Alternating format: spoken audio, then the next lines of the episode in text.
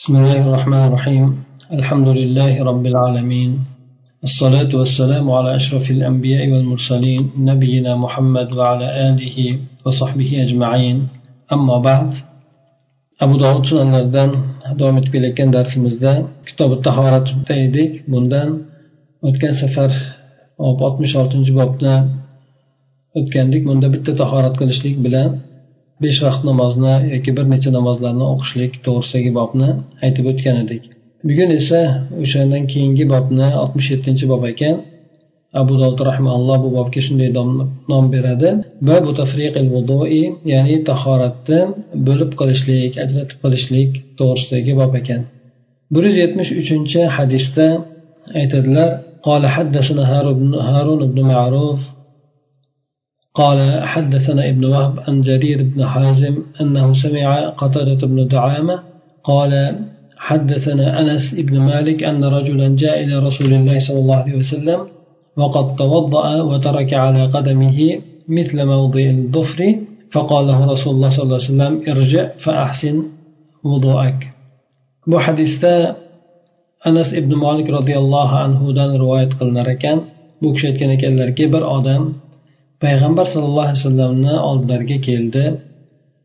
U kishi tahorat qilib olgan edi. Hamda oyog'ida o'sha bir tirnoqcha keladigan joyini tark qilgan edi o'sha yerga suv tegmay qolgan edi. Tahorat qilib kelgandan keyin payg'ambar sallallohu alayhi vasallam unga borib tahoratingni chiroyli qilib kelgin deb aytdilar. Ho'p undan keyingi hadisimizda aytadiki abu dovud o'zlari bu hadis هذا الحديث ليس بمعروف عن جرير بن حازم ولم يروه إلا ابن وهب وحده وقد روي عن معقل بن عبيد الله الجزري عن أبي زبير عن جابر عن عمر النبي صلى الله عليه وسلم نحوه قال ارجع فأحسن وضوءك ya'ni bu hadisni boshqa yo'lni ham rivoyat qilib keltiradi buni umar roziyallohu anhudan rivoyat qilingan ekan payg'ambar alayhissalom yuqoridagi gapni aytganlari ya'ni borgin tahoratingni chiroyli qilib kelgin degani Bunga alboni rahimalloh sahiy deb ishora qilgan ekan. Bundan keyingi hadis esa o'sha bobni o'zidagi e, alboni rahimalloh uni mursal degan ekan lekin isnodi oldingi e, rivoyat bilan sahiy bo'laveradi deb aytgan ekan. E, buni ayni o'sha payg'ambar sallallohu alayhi vasallamdan hasan roziyallohu anhu orqali rivoyat qilingan ekan.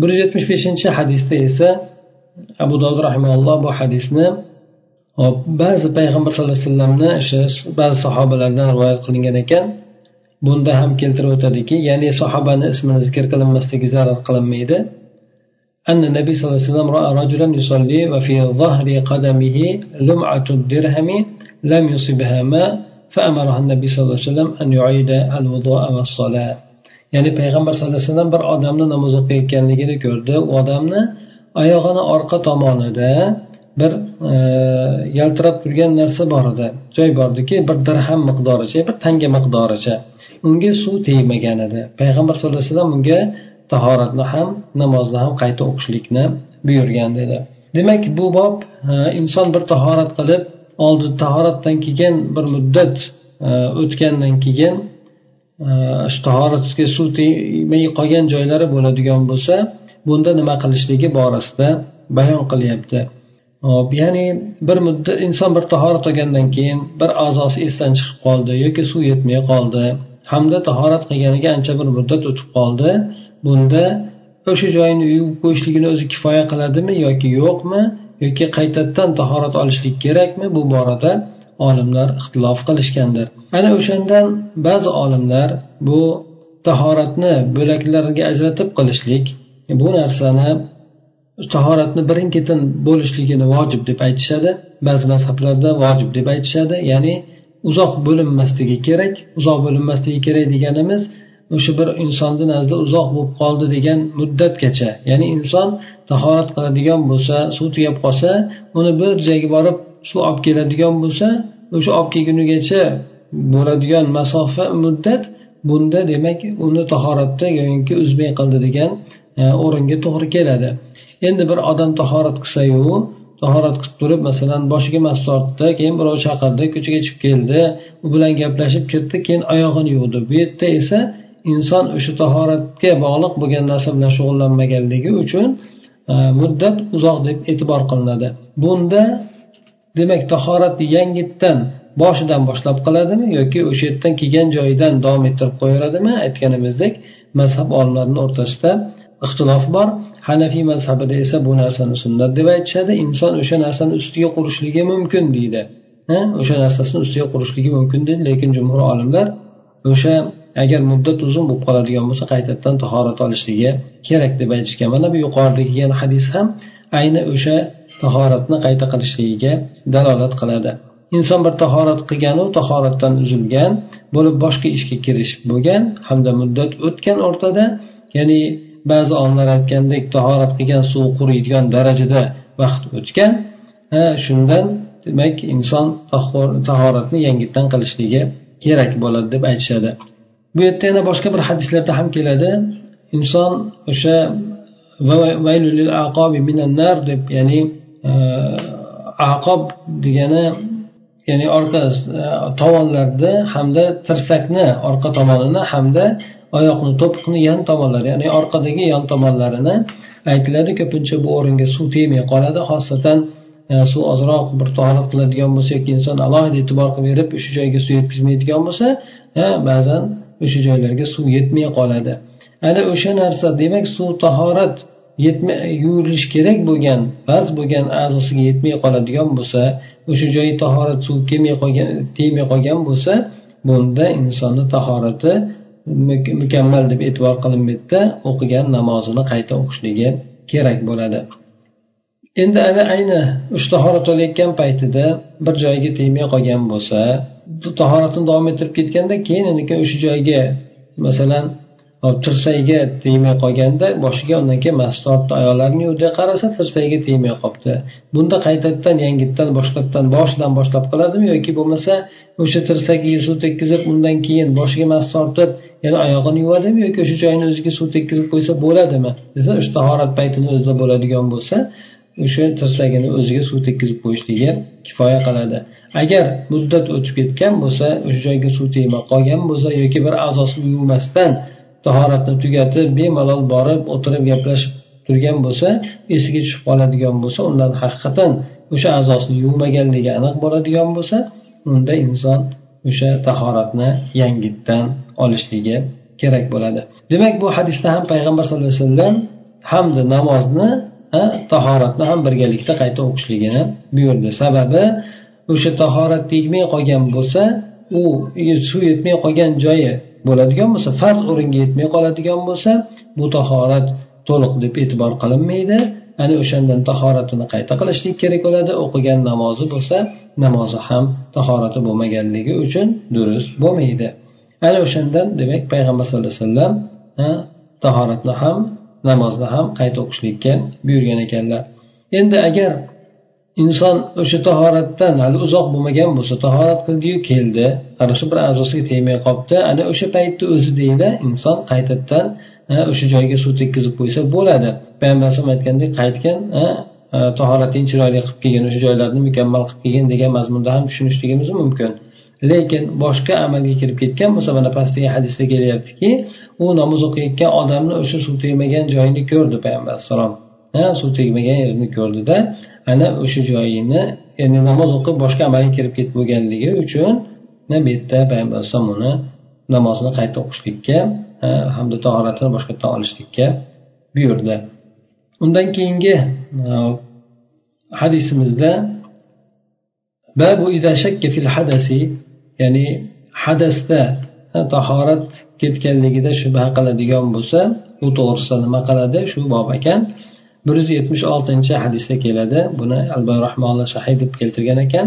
Haddasana qutaybat ibn sad va muhammad ibn ahmad ibn abi خلف قال حدثنا سفيان عن الزهري عن سعيد بن مسيب عن وعباد بن تميم عن أبيه قال شكي إلى النبي صلى الله عليه وسلم الرجل يجد الشيء في الصلاة حتى يخيل إليه فقال لا ينفتل من صلاته حتى يسمع صوتا أو يجد ريحا.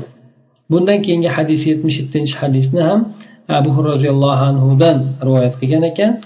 yuqoridagi hadisga hamohang suratda ya'ni payg'ambar sallallohu alayhi vasallam aytganlar إذا كان أحدكم في الصلاة فوجد حركة في دبره أحدث أم لم يحدث فأشكل عليه فلا ينصرف حتى يسمع صوتا أو يجد ريحا yuqoridagi hadisda bir odam payg'ambar sallallohu alayhi vasallamga shikoyat qilindi ba'zi rivoyatlarda o'sha roviyni o'zi shikoyat qilganligi keladi ba'zi rivoyatlarda esa bir odam payg'ambar alayhissalomga shikoyat qilindi. Ya'ni bir odamni holati payg'ambar alayhissalomga bayon qilindi. Bu odam namoz o'qiyotgan paytida bir narsani topar ekan. Ya'ni tahorat ketganligini shunaqa ko'ngliga kelar ekan.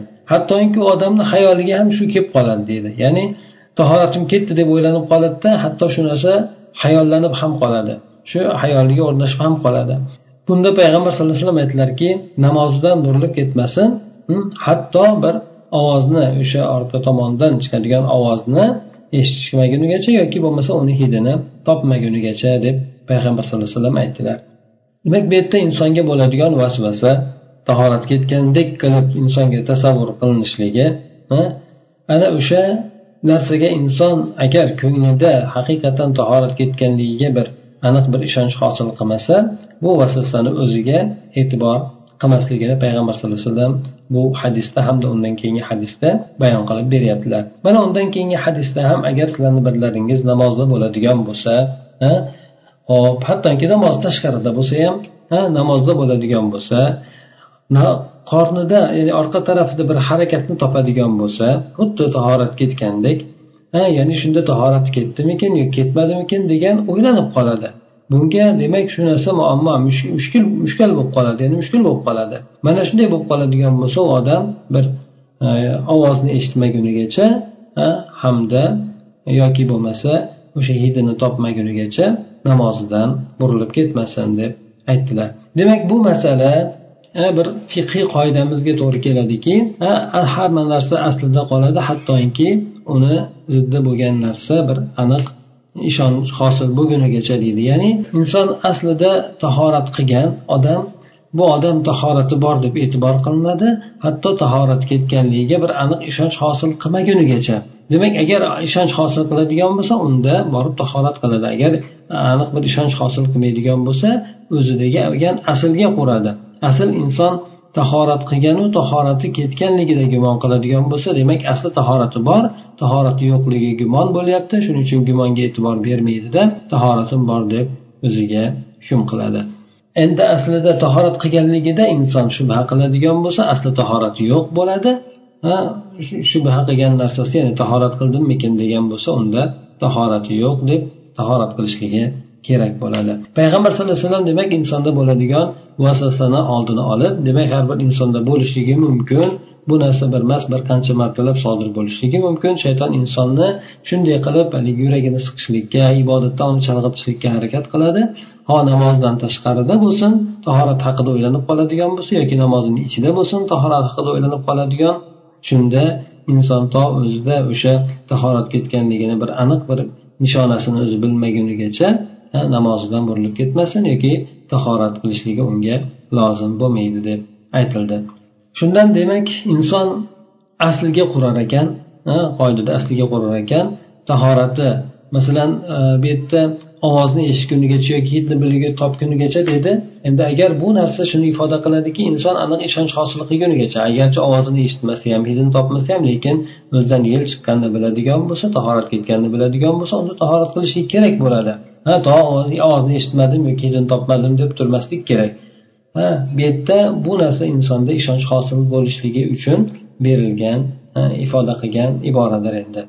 Yana undan keyingi mana yetmish sakson e, uchinchi bo'lgan hadisda abu dovud rahmaulloh aytib keltirgan ekanlarki undan keyingi bobda babu al minal qublati qubladan murod ayolni o'pishlik degani shundan tahoratga chilik ketmasligi to'g'risidagi bob ekan bu. Birinchi hadisga alboy rahmaulloh sahiy deb ishora keltirgan ekanlar hamda bu hadisni abu dovud rahmaulloh oysha onamizdan rivoyat qilgan ekanlar. U kishi aytadilarki payg'ambar sallallohu alayhi vasallam oysha onamizni o'pganligini hamda tahorat qilmaganligini xabarini beryaptilar. Ya'ni payg'ambar alayhissalom o'pdilaru tahorat olmadilar. Ya'ni namozga chiqib ketaverganligini pastda ham keltirib o'tadi. Bu bilan tahorat buzilmasligini ifoda qilyapti endi. Abu dovud bu hadisni mursal degan ekan lekin albon rahmaulloh buni orasida uzilishligi yo'q sahiy deb qabul qilgan ekanlar.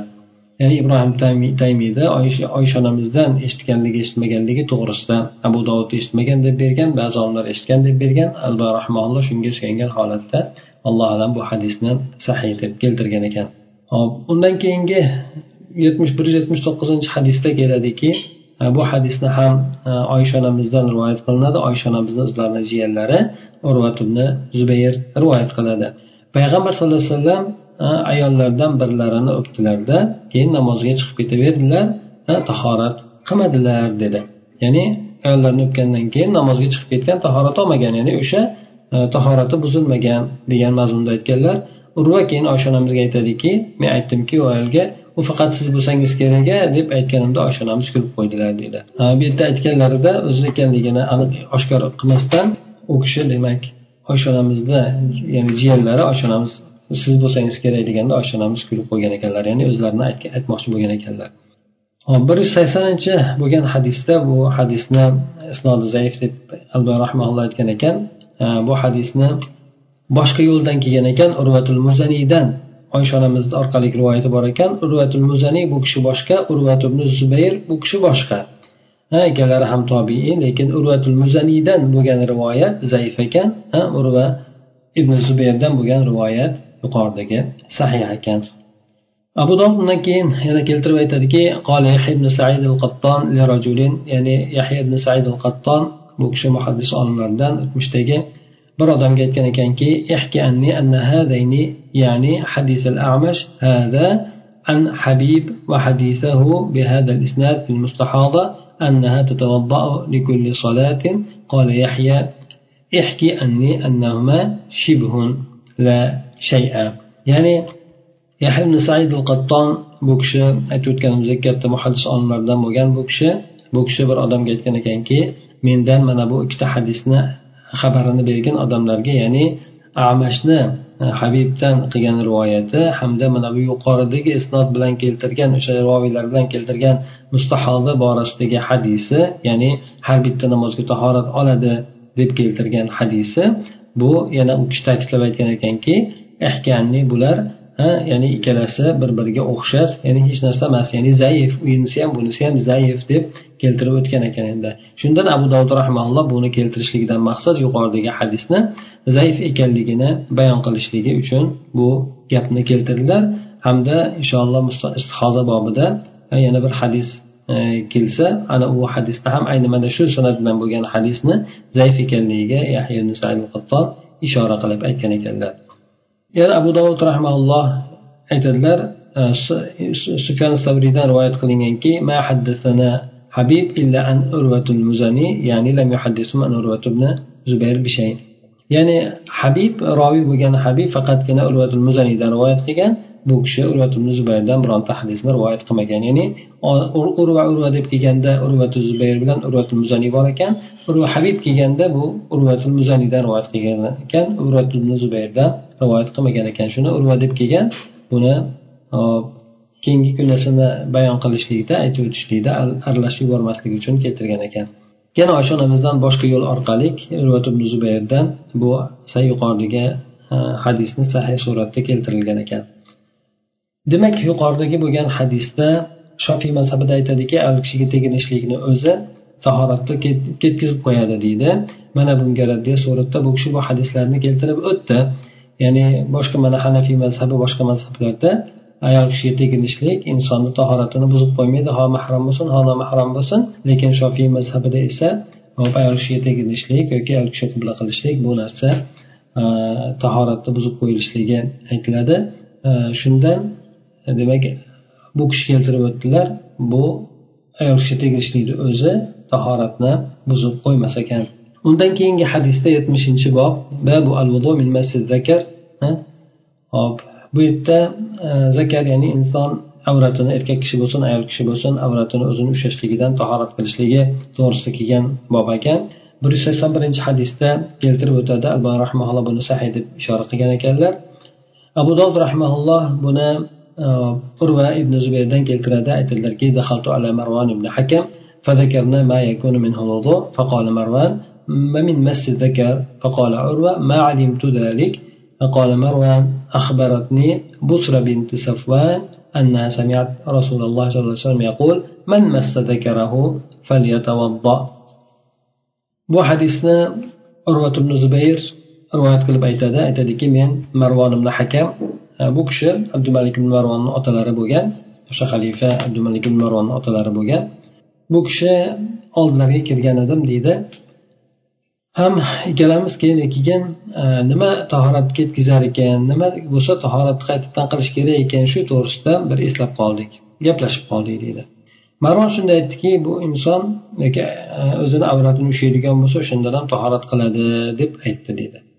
Urvat ibn zubayr aytadilarki men bu narsani bilmadim bu to'g'risida xabarim yo'q deb aytdim shunda marvon o'zlari aytdiki menga busra binti safvon ya'ni abdumalik ibn marvonni e, marvon ibn hakamni o'zini e, buvalari aytganimizda enalari. Hop payg'ambar sallallohu alayhi vasallam bilan o'sha bayat qilgan ayollarni ichida birlari bo'lgan ekan bu ayol. Shu menga xabar berganki ya'ni payg'ambar alayhisalomdan eshitganligini u kishi aytgan ekanlar kimki zakariga avratiga teginadigan bo'lsa tegadigan bo'lsa bu odam tahorat qilib olsin deb aytganlar deb aytadi. Undan keyingi hadis ham shu mavzuga aloqador. Bunda o'sha narsa borasidagi ruxsat to'g'risida kelgan bob ekan ya'ni tahorat ketmasligi to'g'risida kelgan bob ekan bunda tolqibni alidan rivoyat qilinadi sahobiy.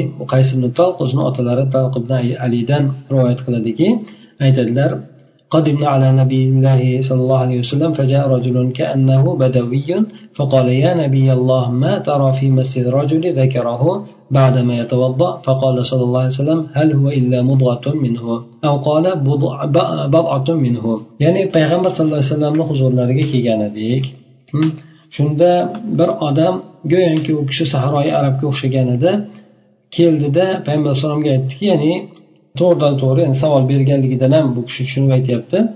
Ya'ni ey allohni payg'ambari erkak kishi avratini ushlaydigan bo'lsa nima deb o'ylaysiz? dedi. Ha? ya'ni tahorat qilgandan keyin tahorat ketadimi? deb so'ramoqchi bo'ldi.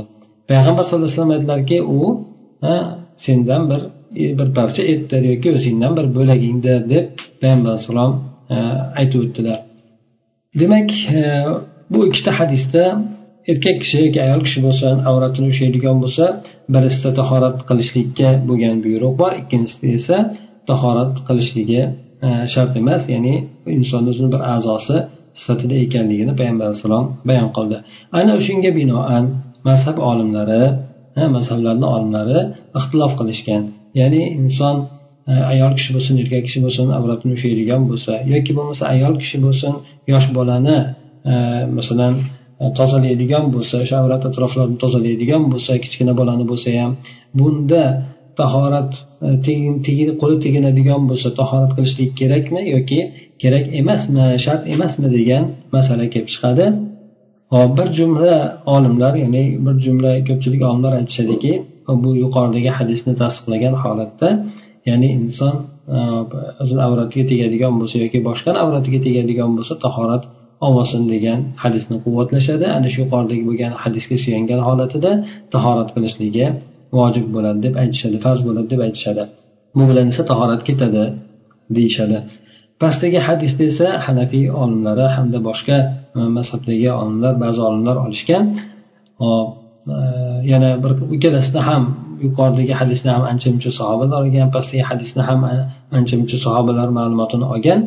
Bu yerda aytadilarki bu yuqoridagi mana keltirilayotgan talqibni alini hadislarida payg'ambar sallallohu alayhi vasallam bu narsani tahoratni ketkazmaydi degan mazmunda aytdilar. Shunga binoan ushlaydigan bo'lsa tahorat ketmaydi o'ziniki bo'lsin yoki boshqa yosh bolani tozalayotganda tegib ketgan bo'lsin bu narsadan tahorati ketmaydi deb aytishadi. Hop bu yerdagi tolqibni ali hadisi tahoviy rahmaalloh aytadiki demak bu sahih bo'lgan hadis yuqoridagi bo'lgan hadisdan ko'ra sihati kuchliroq bo'lgan hadis deb tahoviy rahmaalloh pastdagi hadisni quvvatlaydi tolqibni alini hadislarini quvvatlaydi hamda e, bu yerda tepadagilar esa e, bu tolqimni ali payg'ambar alayhissalom masjidlarni qurayotgan paytida kelgan e, buni islomi avval bo'lgan yuqoridagi ayolni islomi esa keyinroq bo'lgan shuning uchun bu pastdagi bo'lgan hadisni yuqoridagi bo'lgan hadis nasx qiladi deb yuqoridagi e, so'zni quvvatlovchi bo'lgan olimlar aytishgan.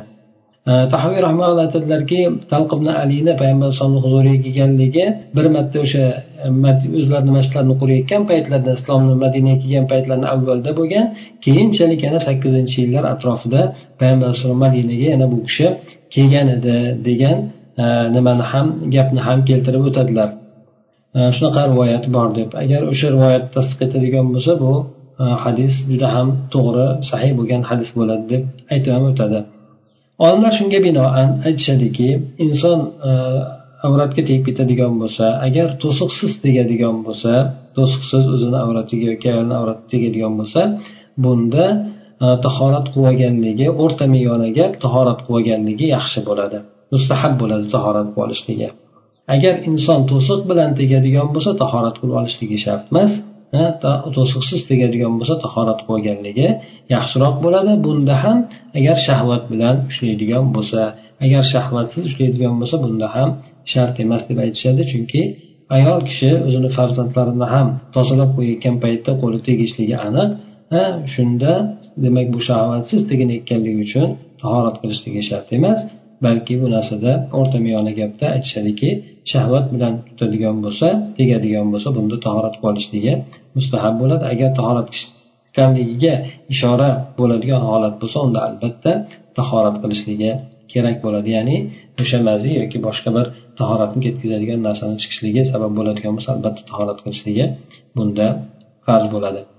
Yuqoridagi e, o'sha hadisda mana keltirib o'tadiki talqibni alini hadislarida bu namozda tegib ketsa degan e, so'rovni beradi deb mana keyingi rivoyatda qo'shimchasi bilan aytiladi.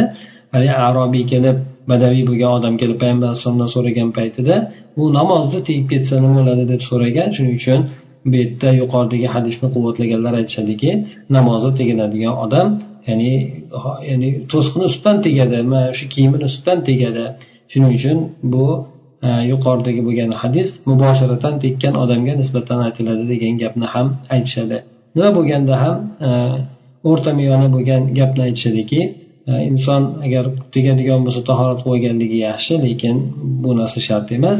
Lekin shahvat bilan tegadigan bo'lsa hamda o'sha suv chiqqanligiga ishora bo'ladigan bo'lsa yoki chiqadigan bo'lsa albatta unda tahoratni ketganligi aniq bo'ladi hamda tahorat qilib olishligi farz bo'ladi. Undan keyingi bobimiz e, yetmish ikkinchi bob ekan. Tuya go'shtidan tahorat qilishlik to'g'risidagi bob bu hadisni barro ibn ozibdan roziyallohu anhudan rivoyat qilinadi u kishi aytadilarki rasululloh sollallohu alayhi vasallam قال فقال توضأوا منها وسئل عن لحم الغنم فقال لا توضأوا منها وسئل عن الصلاة في مبارك الإبل قال لا تصلوا في مبارك الإبل فإنها من الشياطين وسئل عن الصلاة في مرابط الغنم فقال صلوا فيها فإنها بركة barro ibn ozib roziyallohu anhudan rivoyat qilinadi aytadilarki rasululloh sollallohu alayhi vasallam tuya go'shtidan tahorat qilishlik to'g'risi so'rab so'ralib qoldi ya'ni payg'ambar alayhissalomdan so'rashdiki tuya go'shtidan yeydigan bo'lsak tahorat qilishligimiz kerak bo'ladimi degan mazmunda so'rashgan shunda payg'ambar alayhisalom ularni buyurib undan tahorat olinglar tuya go'shtini yeydigan bo'lsalaringiz undan tahorat qilinglar deb aytdilar Qo'y go'shti haqida so'ralgan paytda esa undan tahorat qilmay qilmay qo'yaveringlar ya'ni tahoratinglar buzilmaydi degan mazmunda aytganlar. Yana payg'ambar sallallohu alayhi vasallam tuyalarni yotar joylarida namoz o'qishlikdan so'radilar unda u kishi aytdilarki tuyani yotadigan joylarida o'tovlarida namoz o'qimanglar dedi. Chunki ular shaytonlardan bo'ladi. Qo'yni yotadigan joylarda namoz o'qishlikdan so'ralgan paytida esa u yerda namoz o'qiyveringlar chunki unda baraka bo'ladi dedi. Hop bu hadisda go'shtlarni o'rtasini ajratishlik kelyapti. Ya'ni quyidagi buni e, aksida bo'lgan hadislar ham bor. Bu bu bobni o'zida hadisni aytib o'tadigan bo'lsak payg'ambar sallallohu alayhi vasallam tuya go'shti haqida so'ralgan paytda tuya go'shtini yeydigan bo'lsa tahorat ketadimi deganda ha tahorat qilib olinglar deb payg'ambar alayhisalom tahorat qilishlikka buyurdi. Bu esa tahorat ketishligiga ifoda qiladi. Qo'y go'shtidan so'ragan paytda tahorat ketmaydi dedi. Demak tuya go'shti bilan qo'y go'shtini orasini farqini ajratdi payg'ambar sallallohu alayhi vasallam. Tuya go'shtini yeydigan bo'lsa tahorat ketadi qo'y go'shtini yeydigan bo'lsa tahorat ketmaydi deb aytdi. Ba'zi olimlar ya'ni ko'pchilik masalan muhaddislar yana boshqa mazhab e, olimlarni ba'zilari ayni mana shu hadisga binoan tuya go'shtini yeydigan bo'lsa tahorat ketadi degan gapni aytishadi. Tahorat qilib olishlik kerak inson deydi. Yana payg'ambar sallallohu alayhi vasallam buni hikmat sabablarini ham keltirib o'tadi tuya go'shtini kuchli bo'lganligi boshqa boshqa sabablarni keltirib o'tishadi. Lekin u sabablarning bo'lgan taqdirida ham bu yerda demak payg'ambar alayhisalom tuya go'shtidan tahorat qilinglar qo'y go'shtidan esa tahorat qilmanglar deb orasini ajratib qo'ydi. Tuyani yotadigan joylarda namoz o'qishlikdan so'ralgan paytida ya'ni tuyani o'tovlarida odam bir joy topolmaydida faqat o'sha ehtimol yopiq bo'lganligi yoki qanaqadir bir sabablarga binoan tuya yotadigan joylari tuyani o'tovlarida hop namoz o'qishlikka to'g'ri kelib qoldi. Ana shu yerda namoz o'qisa bo'ladimi dedi. Albatta bu yerda o'sha inson peshanasini qo'yadigan o'sha najas bo'lgan boshqa narsalardan xoli bo'lgan bo'lishligi kerak bo'ladi. Payg'ambar sallallohu alayhi vasallam o'sha tuyani yotadigan joylarda namoz o'qimanglar chunki ular shaytonlardan dedi. Nima uchun shaytonlardan deganligini olimlar aytishadiki chunki tuya insonni ko'p chalg'itadi. Namoz o'qiydigan bo'lsa insonni hayolini ko'p olib qo'yadi. Tuya qochib ketib qoladi yoki insonni hayolini oladigan darajada xatti harakatlar qiladi shuning uchun yerda o'qimanglar dedi. Chunki inson o'qiydigan bo'lsa xushu ham topolmaydi. Namozida ya'ni bir xotirjamlikni ham topolmaydi. Shundan bu yerda o'qimanglar dedi. Endi qo'ylarni yotadigan joylarda esa payg'ambar alayhissalom bular o'qiveringlar dedi. Chunki bu qo'ylar unaqa tuyaga o'xshab qaysar emas tuyaga o'xshab insonni hayolini oladigan bo'ladigan darajada emas. Shuning uchun payg'ambar alayhissalom bu yerda o'qisanglar bo'laveradi deb aytgan chunki unda baraka bo'ladi deb qo'shimcha qilib aytib qo'yganlar. Ya'ni inson bemalol xotirjam namozini o'qisa bo'ladi qo'y insonga hech qanaqangi nima qilmaydi hayolini inson bemalol bir joyga jamlab olishligi imkoniyati katta bo'ladi. Ana undan keyin yetmish uchinchi hadisda esa ya'ni go'shtni pishmagan go'shtga teginishlikdan uni e, tahorat olishlik uni yuvishlikdan tahorat olishlik. Ya'ni pishmagan go'shtga qo'l tegib ketadigan bo'lsa teginadigan bo'lsa tahorat ketadimi yoki yo'qmi? Uni yuvishlik shartmi yoki yo'qmi? O'sha ya'ni insonni qo'lini najas qiladimi yoki tahoratga ketkazadimi degan to'g'risidagi bob ekan. Bu hadisni esa ato ibn yazid e, degan sahobiydan keltiriladi. Payg'ambar sallallohu alayhi vasallamdan e, u kishi aytadiki e, ya'ni bu abu said hud roziyallohu anhudan rivoyat qilingan ekan bu hadis. Payg'ambar sallallohu alayhi vasallam مر بغلام وهو يسلخ شاة فقال له رسول الله صلى الله عليه وسلم تنحى حتى أريك. فأدخل يده بين الجلد واللحم فدحس بها حتى توارت إلى الإبط ثم مضى فصلى للناس ولم يتوضأ. قال أبو داود زاد عمرو بن عمرو في حديثه يعني لم يمس ماء. abu said hud roziyallohu anhudan qilingan rivoyat ekan payg'ambar sallallohu alayhi vasallam bir bolani oldidan o'tib qoldi bu qo'yni terisini e, ajratayotgan edi ekan qo'yni terisini ajratib olayotgan edi ekan shunda payg'ambar sallallohu alayhi vasallam buni bolani o'sha qilayotganini ko'rib turib aytdilarki ke qochib turgin. Ha men senga ko'rsatib qo'yaman qanday qilib? Bu terini shilishlikni deb aytdilar. Keyin qo'llarini teri bilan go'shtni orasiga kirgizdilar payg'ambar alayhissalom o'sha orasiga kirgizdida ichkariga tiqib yubordilar hattoki qo'ltig'igacha o'shani ichiga bekilib ketdi. Ya'ni e, qo'ltig'igacha payg'ambar alayhissalomni o'sha qo'li qo'yni go'shti bilan e, terisini orasiga kirib ketdi. So'ng shunday qildida payg'ambar alayhisalom chiqarib turib ko'rsatib unga yo'lda davom etib ketaverdi. Hamda odamlarga borib shunday e, tahorat qilmasdan o'sha tahorati bilan namoz o'qiverdi e, ya'ni bu yerda abu dovud yana ziyoda qilib keltirgan ekanki bir hadisda ya'ni payg'ambar alayhisalom bir suvga ham teginmadi ya'ni qo'lini ham chayqab olmadi. Shu o'sha yangi go'shtga tegib E, payg'ambar alayhisalom shunday nima qilaverdi endi qo'yni go'shtida o'sha go'shtda qon bo'lishi mumkin boshqa bo'lishi mumkin so'yil bo'lgandan keyin. Ha bilasizlar so'yil bo'lgandan keyin qo'yni e, go'shti ham qoni ham boshqasi ham najas sanalmay qoladi. Demak bu yerdan to masalan pishmagan go'shtga tegib ketadigan bo'lsa yoki uni uni e, qoniga tegib ketadigan bo'lsa boshqasiga tegadigan bo'lsa bu narsa najos qilmaydi ekan. Undan keyingi hadisimiz bir yuz sakson oltinchi hadisda mayta ya'ni o'laksiga tegishlidan tahoratni tark qilishlik to'g'risidagi bob bu hadisni jobir ibn abdulloh roziyallohu anhudan rivoyat qilgan ekan anna rasululloh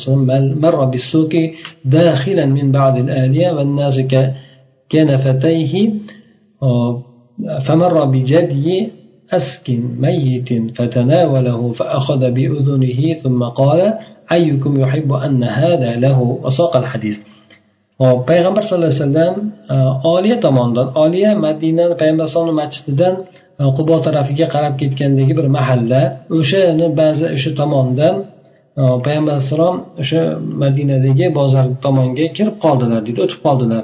odamlar u kishini yonlarida ketar edi yonlarida payg'ambar alayhisalom bilan birgalikda ketar edi u kishi shu yo'lda ketayotganlarida bir o'lib qolgan hamda qulog'ida aybi bo'lgan yoki qulog'i yo'q bo'lgan yoki qulog'ida aybi bo'lgan bir e, uloqni ya'ni echkini bolasini oldidan o'tib qoldi payg'ambar alayhisalom keyin uni payg'ambar alayhisalom qo'lga oldilarda ko'tardilarda aytdiki e, qulog'idan tutib turib aytdilarki e, qaysi birlaringiz mana buni olishlikni xohlaydi mana bu narsa uniki bo'lishligini xohlaydi qaysi biringlar buni olishliginglarni xohlaysizlar? dedi payg'ambar alayhisalom demak undan keyin hadisni davomi bor.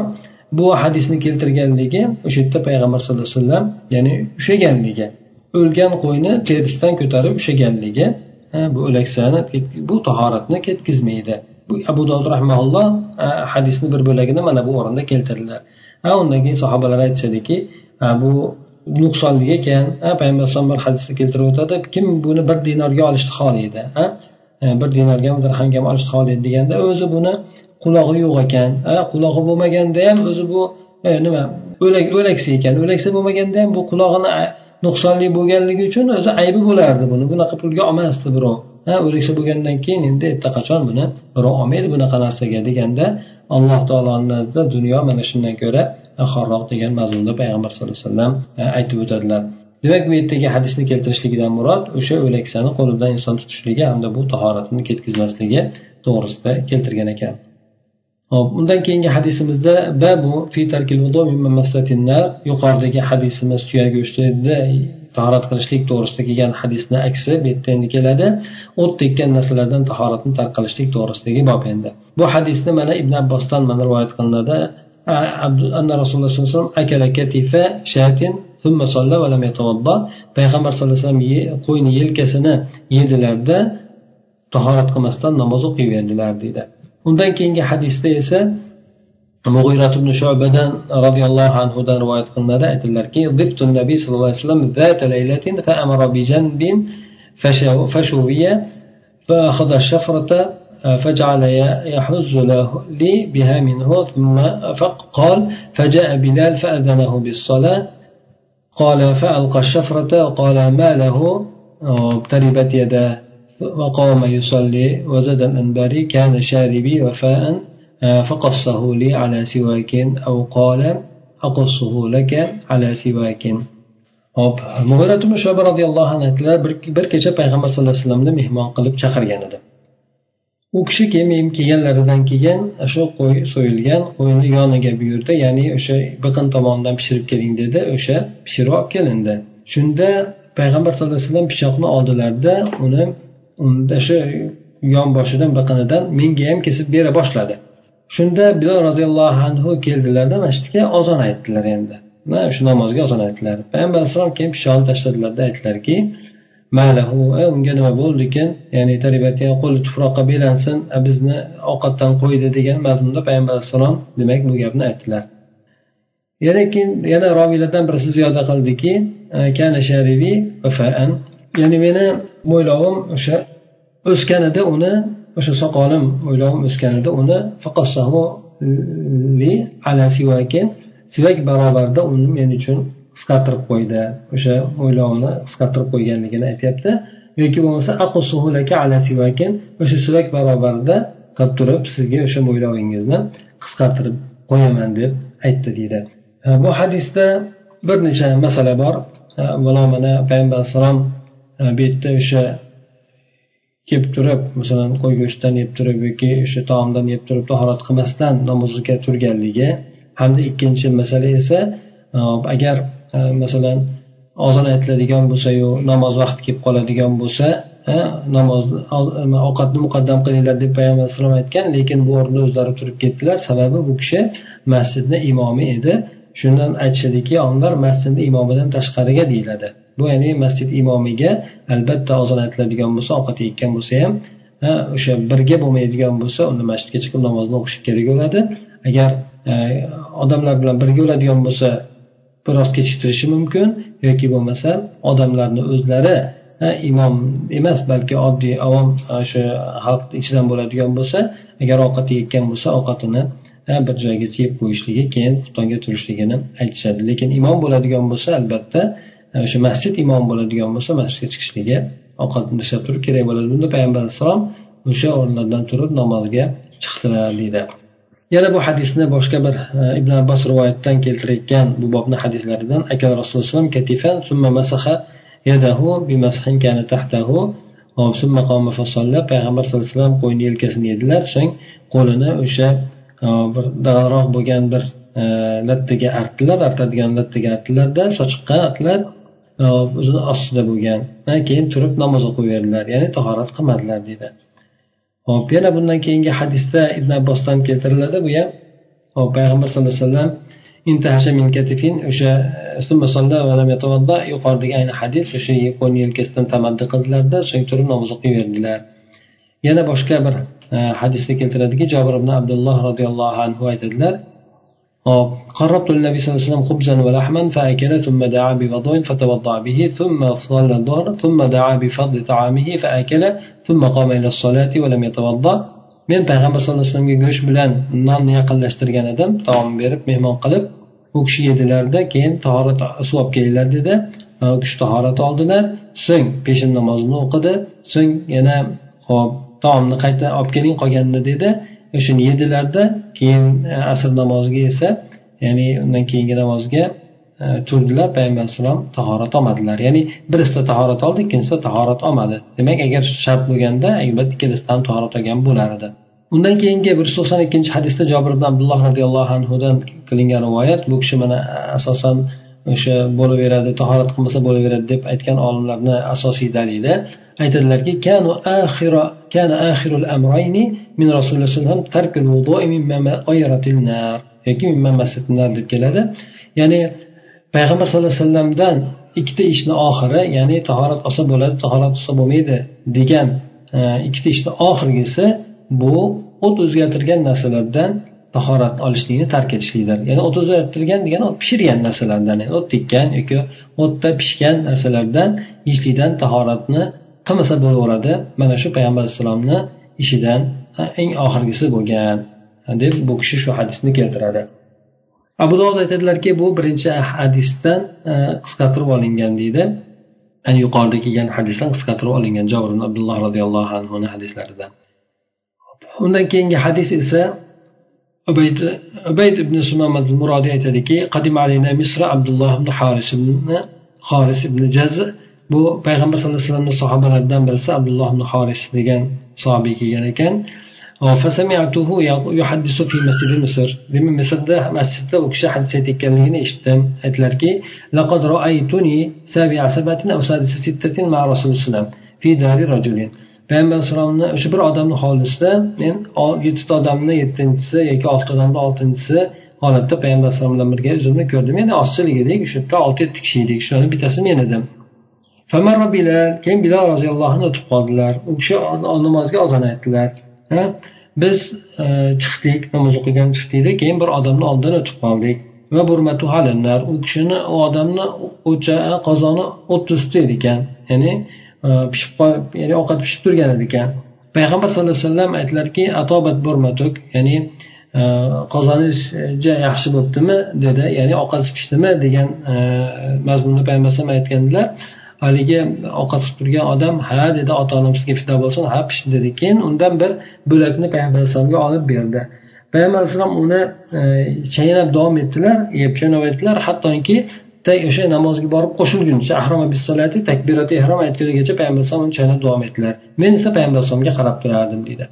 Bu hadisni zaif deb keltirgan lekin yuqoridagi bo'lgan hadis e, e, ya'ni o't tekkan o't o'zgartirgan narsalardan tahorat qilishlik tark etishlik degan hadisni demak hanafiy olimlar va boshqa olimlar ham olishgan.